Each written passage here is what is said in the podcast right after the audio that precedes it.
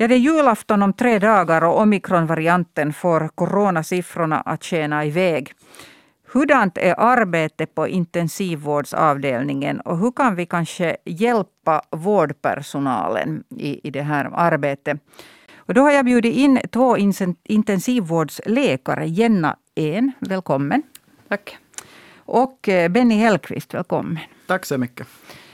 Ja, och det är tisdag idag, så ni ska inte bli oroliga. Det, det är så, ni sitter båda här med munskydd på och era sjukhuskläder alltså, som ni använder på, på arbetet. Så att, att det var en och annan kollega som hickade lite när ni kom emot i korridoren just. Eh, med mig på distans har jag också vår vetenskapsredaktör Markus Rosenlund. Välkommen. Tackar, tackar. Eh, jag, jag, tänkte börja med att fråga er, eh, Benny och Jenna, att eh, hurdan har den här sista, alltså den här tiden varit? Om vi nu tittar, vi har levt med det här nästan två år nu, den här coronapandemin. Och det har gått i vågor. Ibland har det varit bättre och sen har det kommit sådana pikar igen. Hur, hur har den varit? Går det alls att sammanfatta på något vettigt sätt? Vem börjar? Benny? Ja, jag undrar om det går att sammanfatta på ett vettigt sätt. Men att klart det har varit en väldigt konstig tid.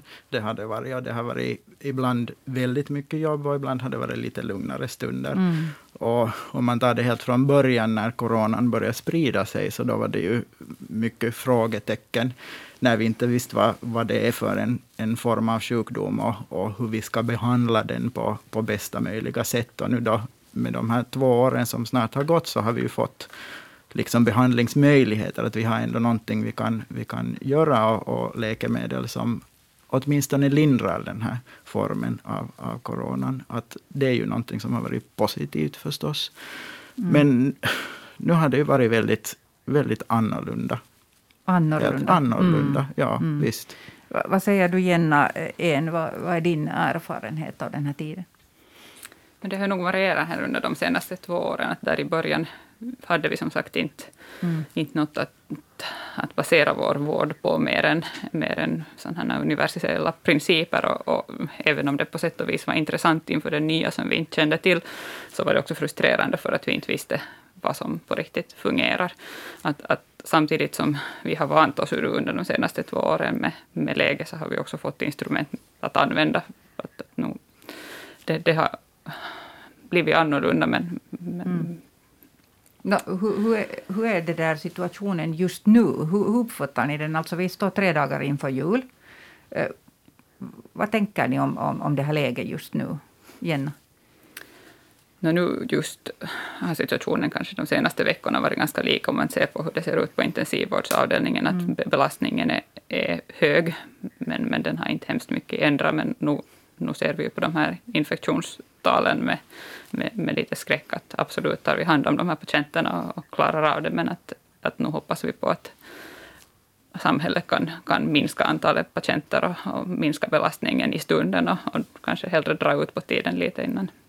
Alltså, att inte alla kommer på en gång till Alltså platta den här ökända kurvan än Precis, en gång. Precis, än en mm. gång detsamma som har talats om flera år. Och tidig, år. Tidigare lyckades vi ju väl ganska bra med att platta till kurvan. Nu, nu är det den här omikronvarianten eh, sprider sig mycket fortare än de tidigare varianterna. Att, att det, där, det är ännu större behov av att platta till kurvan, även om kanske själva viruset eventuellt ser ut att vara uh, lite mildare än, än de tidigare.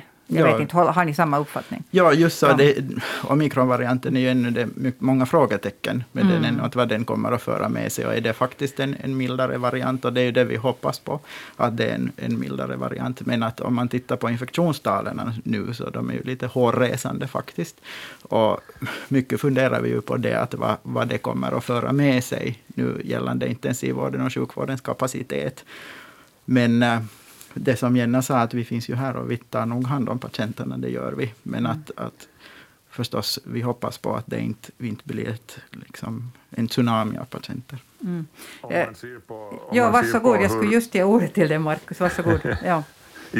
ja, nej, jag, jag skulle bara fylla i med att vi har ju redan vissa data att, att titta på om vi, om vi ser på situationen, hur den ser ut nu i i de länder där omikronvarianten har härjat längst, då tänker jag främst på Sydafrika, så, så där, jag menar det, det är ju, man har lite svårt att förhålla sig till, till det här. Jag vet inte riktigt hur man, hur man ska eh, tänka, för man gör, man gör sig lätt skyldig till önsketänkande, inbillar jag mig. Men, men det ser ju faktiskt sådär försiktigt positivt ut i, i till exempel i Sydafrika. Vi, har, vi ser helt enkelt ingen rusning till sjukhusen där. Alltså den här det här värsta katastrofscenariot har åtminstone uteblivit där. Kurvorna är ganska stabila där de facto. Och inte heller i England så har vi någon, i Storbritannien, alltså inte ser vi någon sån här dramatisk kurva där. Och helt nu här idag Eh, kom det in eh, från New York också en rapport om att, eh, var det borgmästaren där som sa att där, där har också omikron mm, blivit dominant och, och inte ser vi, ser vi där heller ännu något.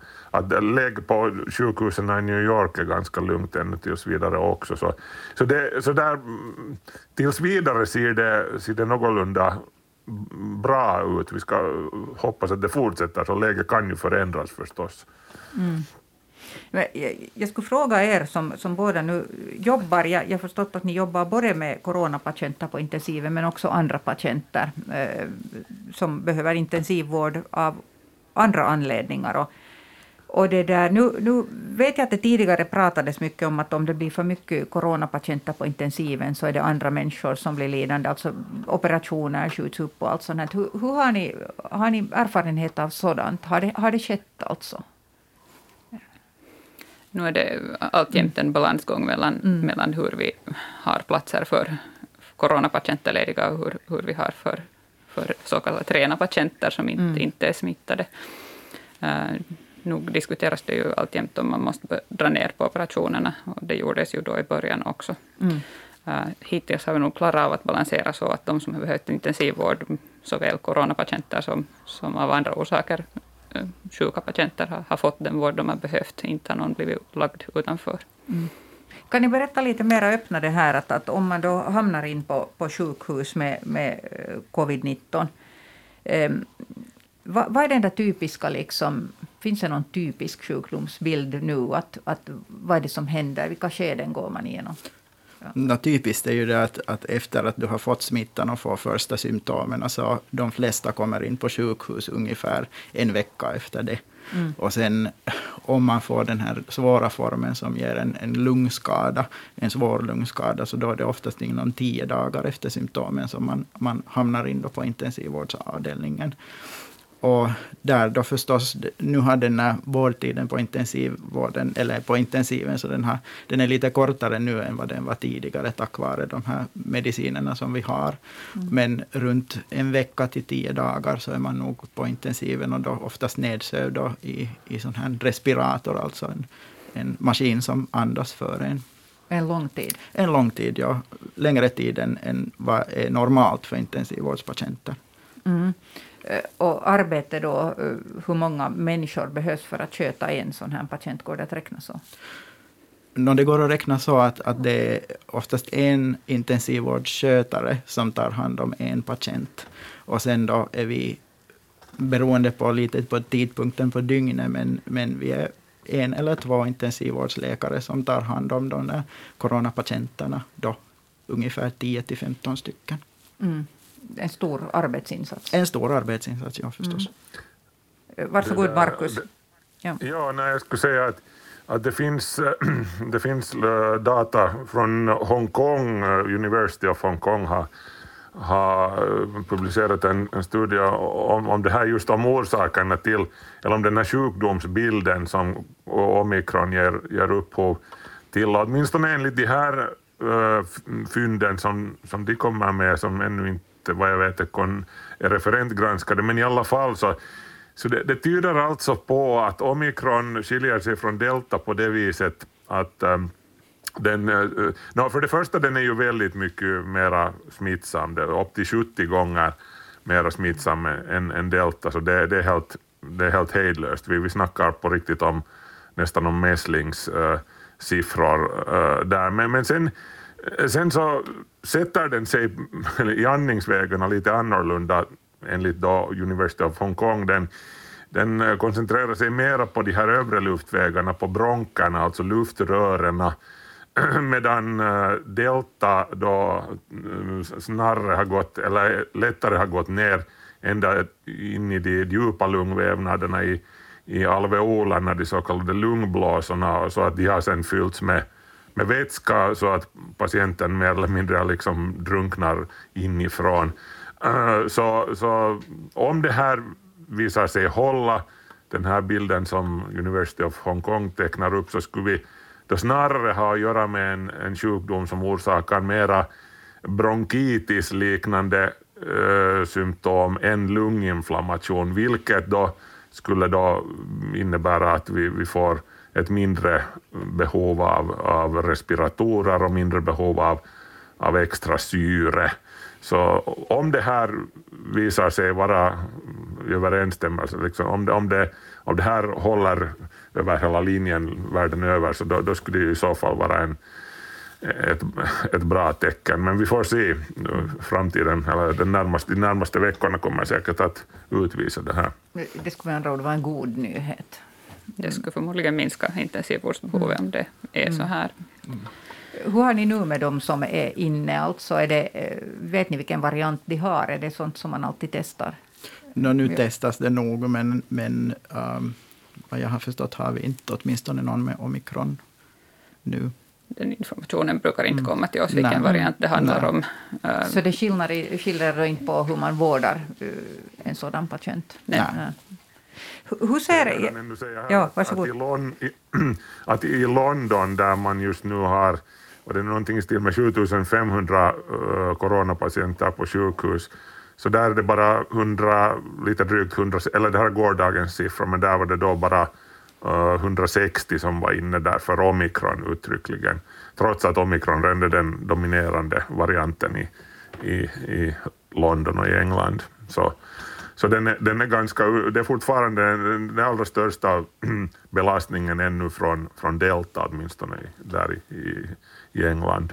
Mm. Ja, så är det nog definitivt nog också, men det vad vi, vad vi måste komma ihåg är ju det att vi vet inte ännu vad den här omikron kommer att föra med sig i och med att den här sjukdomsbilden är just den att, att från smitta till intensivvård är oftast runt tio dagar, så vi mm. vet faktiskt inte ännu. Och, och förstås då att om vi har ett jättestort antal smittade, så även om det är en, en form som ger en lindrigare sjukdom, men trots det så är det säkert nog någon av dem som ändå får den här svåra varianten. Så att om vi har 100 000 ja. smittade så, så är det nog en stor belastning. Men att, att Definitivt. Veckorna, veckorna säger något oss vart det kommer alltså att. Det är egentligen enkel matematik. Det är det. Mm, ja.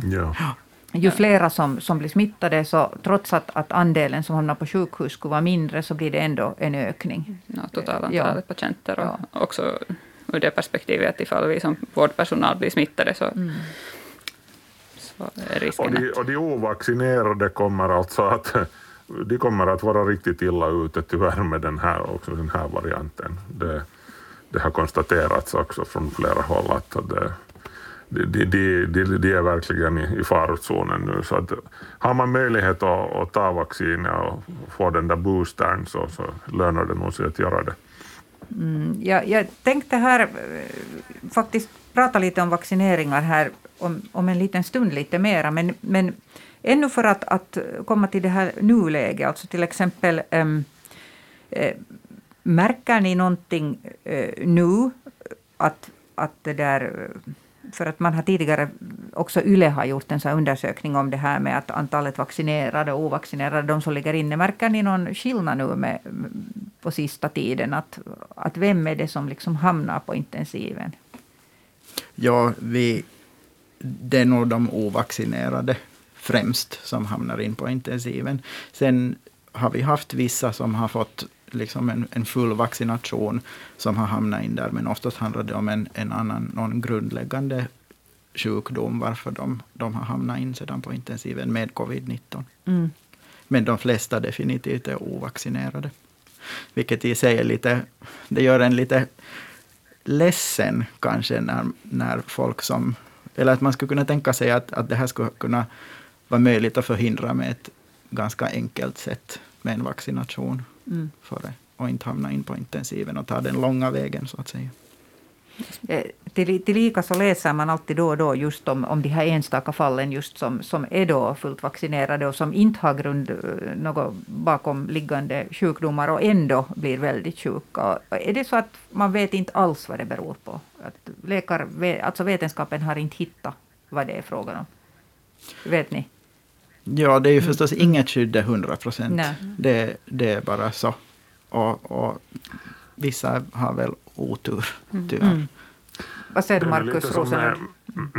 Det är lite som med, med bilar, alltså. Att det, det händer att folk som, folk som har bilbälte krockar och, och dör trots att de har bilbälte, men det är ju liksom inte något argument för att helt och hållet slopa det bilbältet. Att nu, nu, nu räddar ju ändå bilbältet betydligt flera liv än, än, än de, de, som går förolyckade trots bilbältet. Samma sak med, med vaccinerna. Det finns alltid individuella skillnader, kanske genetiska skillnader, skillnader som, som vi kanske inte ens är medvetna om. De blir kanske, kanske aldrig riktigt klarlagda, de här orsakerna till att de här fullt vaccinerade ändå trots allt, allt dör. Men, men jo, det, det händer ju, men det, trots allt så nu, nu, nu får man ju ett, nu, nu har man bättre chanser att klara det om man är vaccinerad än, än om man inte är det, så där rent statistiskt sett. Eh, jag undrar, för ni några diskussioner med patienterna? Det liksom, finns det möjlighet till det efter att de till exempel har klarat sig genom den här intensivvården? Om den är, vad säger de? Nu brukar vi diskutera och mm. vi frågar om de har tagit vacciner och, och sen om och då de förhoppningsvis klarar sig så talar vi om, också om att det är värdefullt att ta vaccinen efter, efter att de har genomgått covid-19. Mm. Uh, det är nog beklagligt många som säger att de bara inte upplevde att, att det kanske är så stor risk för just dem. Och, och ganska sällan är det kanske den där aktiva vaccinationsmotståndare som ligger där, utan det är kanske en oförståelse för hur, hur allvarlig sjukdom vi talar om. Och är det kanske alltså Förstår folk hur vaccin fungerar? Att vad vaccinet gör? För, för ni den diskussionen med patienterna? Oftast kanske inte på intensiven. Någon nej, nej, vi, det är, det är meningen ju ja, inte att beskylla ja. någon för nej, någonting, nej. utan mm. att, men, men efteråt säkert. Ja. Mm. Jag bara att ibland får den bilden när man läser debatter om det här och, och inlägg som florerar på sociala medier så, som att man talar om giftsprutor och allt möjligt. Att det är som, men det är ju just den här mm. gruppen då som är väldigt övertygad om att det är något farligt. Sen finns det en stor grupp av dem som bara inte kommer sig för att ta vaccin och inte har en stark åsikt. Eh, vad säger du Markus Rosenlund om det här? Har du den? Jag vet att, att du debatterar ofta själv med, med, med folk som har olika eh, teorier, ska vi säga så här, milt sagt. Eh, ja, no, det där folk, ganska många har en känsla av just nu hänvisar till att det här, det här vaccinet, framförallt det här mRNA-vaccinet, att det, det är obeprövat, att, att det är liksom en, mm, ett, ett experiment i stor skala på, på stora människogrupper att de, de vill inte ta det för att det, det är ännu så nytt och så här. Men samtidigt så har jag nog en känsla av att, att det här då tycks, jag menar det här tycks gälla det här tycks gälla, vad heter det, bara vacciner i så fall, för jag menar varje dag äter folk äh, saker som, som de aldrig, aldrig har vet, ätit förut. Det kommer nya maträtter, det kommer nya eh, kosmetika, det kommer...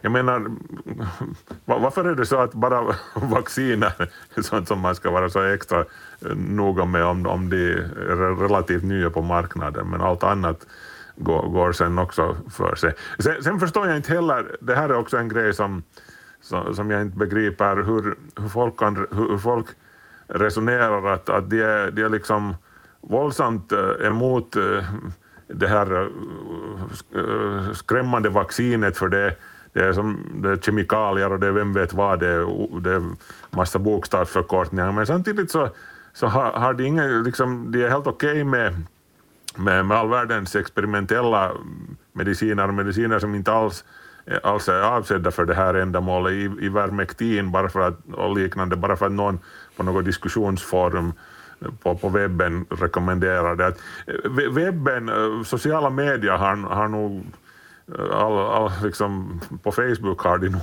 alla skäl att se sig i spegeln i det här, för, för det har nog, den här webbens ekokammare har nog råddat folk huvuden riktigt ordentligt i, i samband med den här pandemin. Mm. Och det, det, det, det är tragiskt, för det är destruktivt och det leder till onödiga, onödigt lidande och onödiga dödsfall. Och, och, för, för jag menar sen efteråt, så det, det, är så, det är så sent att sitta där sen med när man sitter med, med sina luddiga ben i spenaten, som min mormor brukar säga.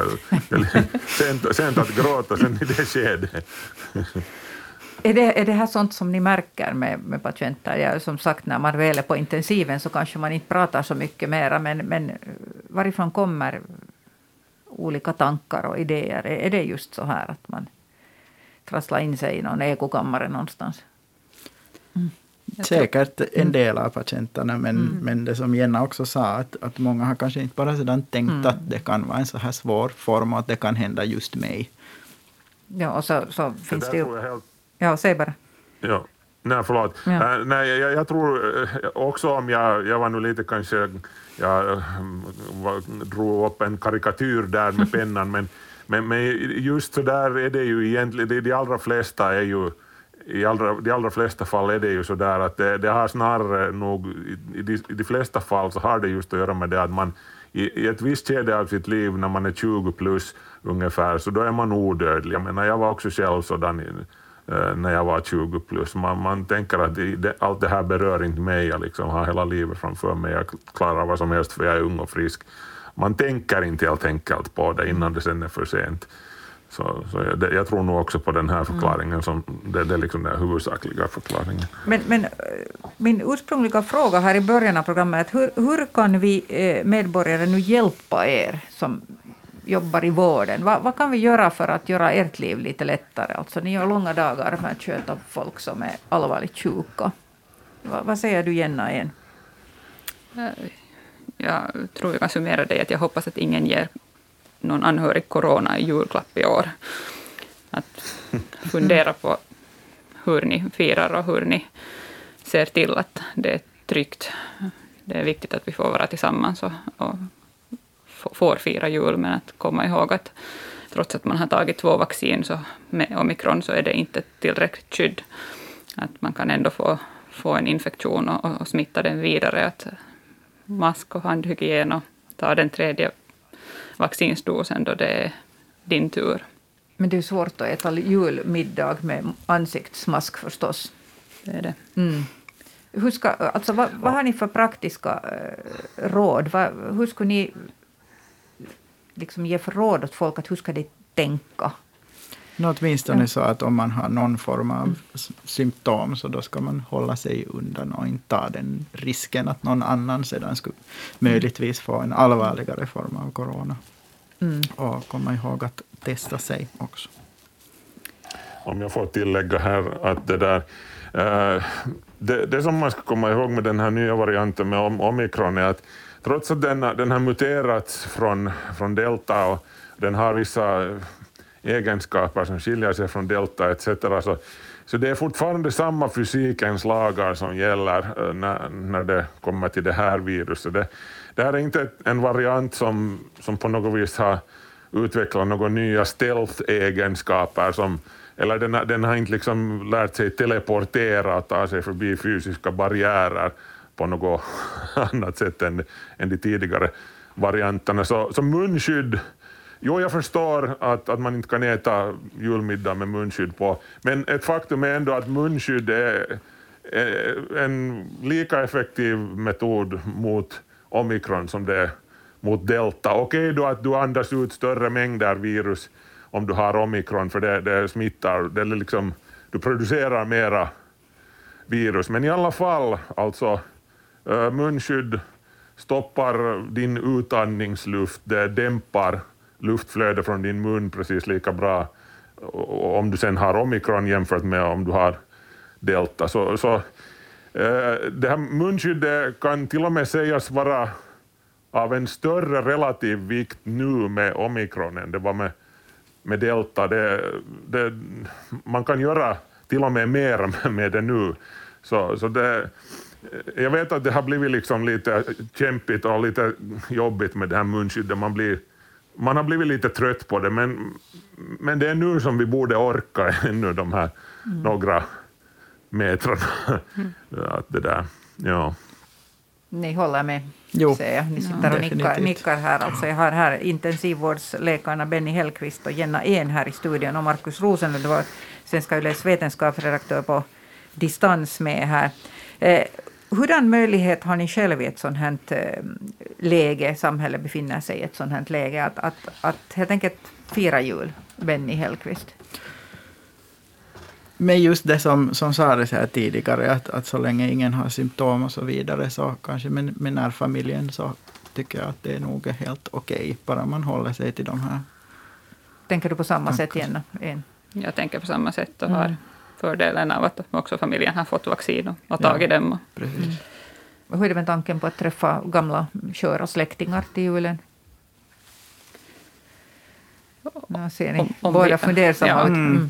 Det, det, är svårt. Vi, vi, vet att det inte är ett fullgott vaccin mot, mot omikron, mm. men, men om vi alla är vaccinerade och symptomfria, och kanske till och med så att man kan göra ett snabbtest innan, mm. innan man umgås, de här snabbtesterna har det varit mycket tal om på sistone och nu kom det också ett förslag, nu minns jag inte, jag läste det här i morse, vilken instans det var som föreslog det att ta bort eh, momsen från dem, att det skulle bli 24 mm. procent billigare. För jag eh, skulle vilja hävda att för många så blir det lite dyrt, speciellt om du har en större familj. Och jag var och köpte ett sånt här paket med tio sådana hemtest, så kostade 87 euro om jag kommer rätt ihåg. På, så räknade enkelt. Matematik mm. vad de kostar stycket och hålla på sen med det där flera gånger i veckan, alla i familjen, mm. så det blir, det blir ganska dyrt. Mm. Visst blir det. Det är en åtgärd som har föreslagits, men sen så finns här nu andra och det, nu sitter ju som bäst så pågår alltså THLs och, social och hälsoministeriets gemensamma presstillställning eh, som jag nu inte har samtidigt haft riktigt möjlighet att följa med, men, men det läcker ju ut en massa information och nu talas det då om att eh, regeringen skulle också vara beredd nu i sitt möte ikväll att de skulle ha kommit överens om att lägga bort, alltså tillfälligt, eh, covidpasset ur bruk. Eh, andra stadiets ehm, skolelever skulle igen hamna på distans. Det här är vecka till Iltalehti som brukar ha, vara ganska väl underrättade om de här sakerna. Och sen eh, kraftigare alltså restaurangrestriktioner. Och så vet vi ju redan att det som införts bland annat i egentligen fin Finland är ju eh, så här striktare regler. Vi talar om att, att nattklubbar, eh, barer och, och inomhuskonserter, idrottsevenemang, allt det här skulle liksom nu så att säga stängas för en tid. Vad tänker ni som jobbar med, med covid-sjuka eh, om de här förslagen? Vad säger du Jenna? En? Som vi redan talade om, att mm. platta till kurvan, så nog skulle det vara värdefullt att vi inte, inte blir överbelastade på intensiven. Och, och ni ja. tror att det här är en tillräcklig mm. åtgärd eller bra åtgärd att stänga av det här? Vad tänker du Benny? Ja, åtminstone känns det just nu om man tittar på hur, vad de här smittosiffrorna är och just den här matematiken som vi talade om tidigare. Mm. Så det har ju visat sig nu flera gånger om redan att just de här eh, liksom när man stänger av saker och ting, så det, det, de är effektiva. Så är det. Vi minskar på smitto, smittorisken och, och på det sättet så känns det som att det är nog behov att göra någonting. Och HUS kom ju ut var jag igår tyckte jag. Igår, med ja. de här, ja, precis, samma rekommendationer. Samma, samma rekommendationer och, och, jag tror att det, det nog måste, måste göras någonting. Men samtidigt förstår jag också att det har pågått i två år och, och folk börjar vara ganska trötta. Det, det handlar om stora ekonomiska frågor också och så vidare. Men, men jag tror att de är nog indicerade just nu. Mm. Köpa tid för den där vaccineringen. Mm. Ja, varsågod Markus. Ja, en, en liten tröst med, med det här kunde ju ändå tänkas vara det att, och det här är någonting alltså som vi redan nu ser i Sydafrika där virus, den här varianten har härjat längst, att, att där, där börjar redan siffran gå neråt i Gauteng-provinsen till exempel, som var liksom det här omikrons ground zero. Så, så det, det, det verkar i Sydafrika åtminstone se ut som att det blir en med, med det här uh, omikron, så att det blir en sån här väldigt brant kurva som som stiger spikrakt uppåt i början. Den, den, den kommer liksom med, med kraft, med fart och antalet smittor ökar. Som sagt, det, det fördubblas för var, varannan eller var tredje dag. Så, så den, här, den här kurvan som vi nu talar om, och jag menar det är just det som är utmanande för sjukvården, att den här kurvan blir så, så otroligt brant och vass, det blir som en spik på riktigt i, i, i, den, i kalendern där när man tittar på längre, längre sikt. Men det, det har ju åtminstone den trösten för vanligt folk som är trötta på det här, att, att det, det, det kommer sannolikt att vara över ganska fort, alltså betydligt fortare än med, med, med det ursprungliga coronaviruset. Då, då, då var det ju så där att det, det, det såg ut att dra, dra, ut på tiden i all oändlighet. Den första vågen var ju, var ju ver, verkligen lång och, och, och jobbig, men, men den här kan gå över ganska fort. Men i och för sig, det säger, med det säger jag inte att den skulle vara på något vis lättare, för det blir, det blir liksom det, det blir, blir en ganska hård smäll. Mm. Mm. Och det som ja. är också viktigt att minnas är att Sydafrikas population är lite annorlunda än Finlands population. Att vad jag förstår så är medelåldern ja, i Sydafrika närmare 40, varav ja. är, det är äldre människor i Finland. Men som tur så, ja, så det, finns det ju vaccinen. Alltså, det, mm. Ja, men, men det, det gäller nog ändå också här över hela liksom det, det, är en global tumregel nog det här att ju, ju, ju mera smittsamt ett virus är desto...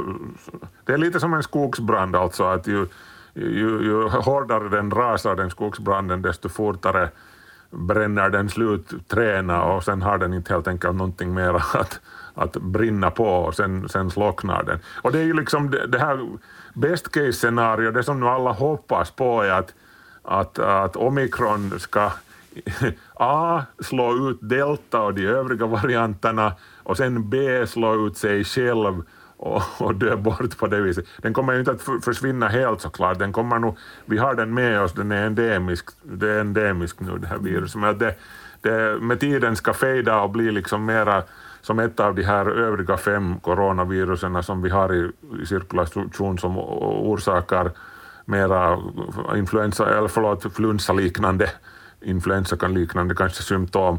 Uh, det, det, det återstår att se, men, men lätt blir det ju hur som helst inte. Det, det, ja, har, ni, har, ni vårdare har alla mina sympatier åtminstone. Ja, verk, verkligen. Jag, att... jag tror att det är många som lyssnar som tänker samma sak, att ni har nog faktiskt jobbat hårt nu redan länge och, och alla, de flesta skulle nog unna er nu redan lite en, kunna dra en suck av lättnad i något skede. Men eh, Eh, jag tänkte att ehm, i London till exempel så har ju borgmästaren varit ute och, och pratat mycket om, om det här att, att han är orolig för samhällets funktion.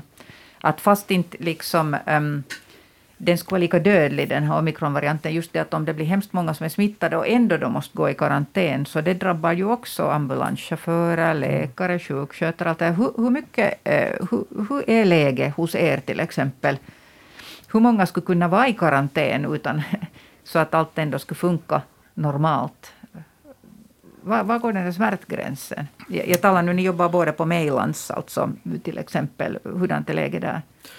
No, inga siffror har jag kanske att ge, mm. att, att hur många skulle kunna vara i mm. karantän. Mm. Det har varit enstaka fall så länge, än så länge. Men det är ju det vi är, är, är rädda för, mm. att ifall det blir en jättestor liksom många som är i karantän eller själv insjuknar, mm. så då, då kan det ställa till problem. Helt enkelt för att man inte har personal tillräckligt. Nej, ja, precis. Det finns ingen precis. kö av intensivvårdsläkare eller sjukskötare eller nej, annan nej, personal att ta till. No, jag måste ju fråga er ännu här avslutningsvis, när tiden börjar ta slut här, att, att det där, um, som sagt, ni har förstås fått tre vaccinren, ja. säkert, eftersom ni jobbar i vården, men har någon av er drabbats av, har ni haft covid-19? Nej. Vi har klarat oss. Vi har klarat oss, ja, för ja. det finns ju många vårdare som också ändå har fått det för att de har varit i sån här kontakt mm. och det, det händer. Ja. Eller så får man det via sina egna barn eller något sånt här. Eh, Markus, jag vet ju att du tillhör riskgrupp eh, eftersom du har en autoimmun sjukdom och, och det där du också har fått dina tre vaccin i god tid. Och så vet jag att du är jätteförsiktig nu.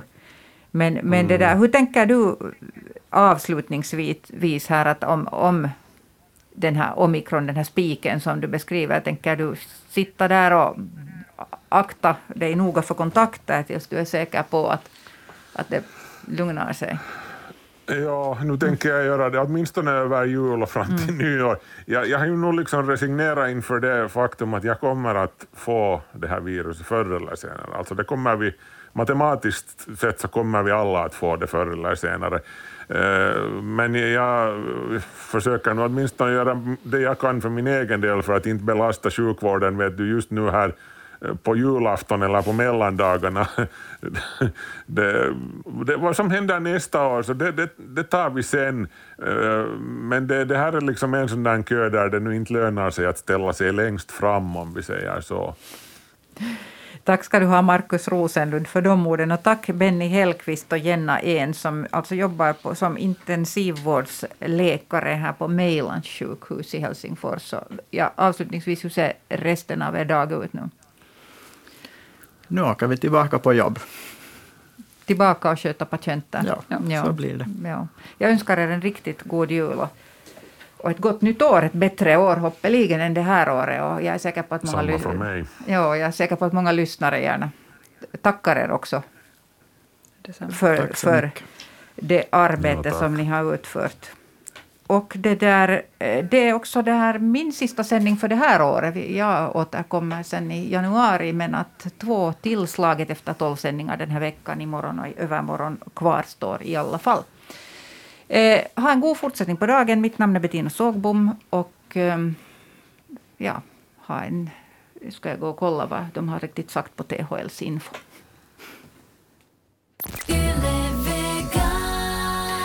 Och slaget efter tolv det hittar du på arenan.